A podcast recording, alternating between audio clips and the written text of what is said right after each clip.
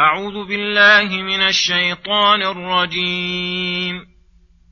وتركنا بعضهم يومئذ يموج في بعض ونفخ في الصور فجمعناهم جمعا. وعرضنا جهنم يومئذ للكافرين عرضا. الذين كانت أعينهم في غطاء عن ذكري وكانوا لا يستطيعون سمعا. أفحسب الذين كفروا أن يتخذوا عبادي من دوني أولياء انا اعتدنا جهنم للكافرين نزلا قل هل ننبئكم بالاخسرين اعمالا الذين ضل سعيهم في الحياة الدنيا وهم يحسبون أنهم يحسنون صنعا. أولئك الذين كفروا بآيات ربهم ولقائه فحبطت أعمالهم فحبطت أعمالهم فلا نقيم لهم يوم القيامة وزنا. ذلك جزاؤهم جهنم بما كفروا. واتخذوا آياتي ورسلي هزوا. السلام عليكم ورحمة الله وبركاته. بسم الله الرحمن الرحيم. يقول الله سبحانه: وتركنا بعضهم يومئذ يموج في بعض. يحتمل أن الضمير يعود إلى يأجوج ومأجوج، وأنهم إذا خرجوا على الناس من كثرتهم واستيعابهم للأرض كلها، يموج بعضهم ببعض، كما قال تعالى: حتى إذا فتحت يأجوج ومأجوج وهم من كل حدب ينسلون.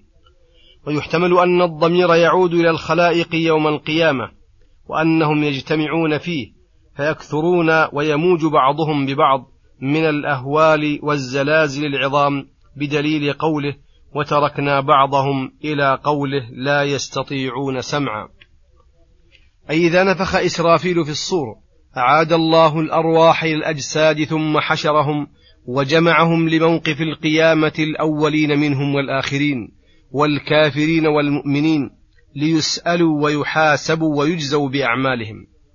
فأما الكافرون على اختلافهم فإن جهنم جزاؤهم خالدين فيها أبدا. ولهذا قال وعرضنا جهنم يومئذ للكافرين عرضا. كما قال تعالى وإذا الجحيم برزت. أي عرضت لهم لتكون مأواهم ومنزلهم وليتمتعوا بأغلالها وسعيرها وحميمها وزمهريرها. وليذوقوا من العذاب ما تبكم له القلوب وتصم الآذان وهذا آثار أعمالهم وجزاء أفعالهم. فإنهم في الدنيا كانت أعينهم في غطاء عن ذكر الله أي معرضين عن الذكر الحكيم والقرآن الكريم وقالوا قلوبنا في أكنة مما تدعون إليه وفي أعينهم أغطية تمنعهم من رؤية آيات الله النافعة كما قال تعالى وعلى أبصارهم غشاوة وكانوا لا يستطيعون سمعا أي لا يقدرون على سمع آيات الله الموصلة إلى الإيمان لبغضهم القرآن والرسول. فإن المبغض لا يستطيع أن يلقي سمعه إلى كلام من أبغضه. فإذا انحجبت عنهم طرق العلم والخير فليس لهم سمع ولا بصر ولا عقل نافع. فقد كفروا بالله وجحدوا آياته وكذبوا رسله فاستحقوا جهنم وساءت مصيرا. ثم يقول سبحانه أفحسب الذين كفروا أن يتخذوا عبادي من دوني أولياء إنا أعتدنا جهنم للكافرين نزلا. وهذا برهان وبيان لبطلان دعوى المشركين الكافرين الذين اتخذوا بعض الأنبياء والأولياء شركاء لله يعبدونهم ويزعمون أنهم يكونون لهم أولياء ينجونهم من عذاب الله وينيلونهم ثوابه وهم قد كفروا بالله وبرسوله. يقول الله لهم على وجه الاستفهام والإنكار المتقرر بطلانه في العقول أفحسب الذين كفروا أن يتخذوا عبادي من دوني أولياء؟ أي لا يكون ذلك. ولا يوالي ولي الله معاديا لله أبدا فإن الأولياء موافقون لله في محبته ورضاه وسخطه وبغضه فيكون على هذا المعنى مشابها لقوله تعالى ويوم يحشرهم جميعا ثم يقول للملائكة أهؤلاء إياكم كانوا يعبدون؟ قالوا سبحانك أنت ولينا من دونهم. فمن زعم أنه يتخذ ولي الله وليا له وهو معاد لله فهو كاذب ويحتمل وهو الظاهر أن المعنى أفحسب الكفار بالله المنابذون لرسله أن يتخذوا من دون الله أولياء ينصرونهم وينفعونهم من دون الله ويدفعون عنهم الأذى هذا حسبان باطل وظن فاسد. فإن جميع المخلوقين ليس بيدهم من النفع والضر شيء ويكون هذا كقوله تعالى قل ادعوا الذين زعمتم من دونه فلا يملكون كشف الضر عنكم ولا تحويلا. ولا يملك الذين يدعون من دونه الشفاعة. ونحو ذلك من الآيات التي يذكر الله فيها أن المتخذ من دونه وليا ينصره ويواليه ضال خائب الرجاء غير نائل لبعض مقصوده. إنا أعتدنا جهنم للكافرين نزلا. أي ضيافة وقرا. فبئس النزل نزلهم. وبئست جهنم ضيافتهم. ثم يقول سبحانه قل هل ننبئكم بالأخسرين أعمالا؟ أي قل يا محمد للناس على وجه التحذير والإنذار هل أخبركم بأخسر الناس أعمالا على الإطلاق؟ الذين ضل سعيهم في الحياة الدنيا أي بطل واضمحل كل ما عملوه من عمل وهم يحسبون أنهم محسنون في صنعه فكيف بأعمالهم؟ التي يعلمون أنها باطلة. وأنها محادة لله ورسله ومعاداة.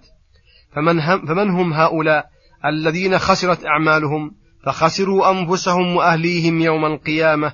ألا ذلك هو الخسران المبين. أولئك الذين كفروا بآيات ربهم ولقائهم ولقائه. أي جحدوا الآيات القرآنية والآيات العيانية الدالة على وجوب الإيمان به وملائكته ورسله وكتبه واليوم الآخر.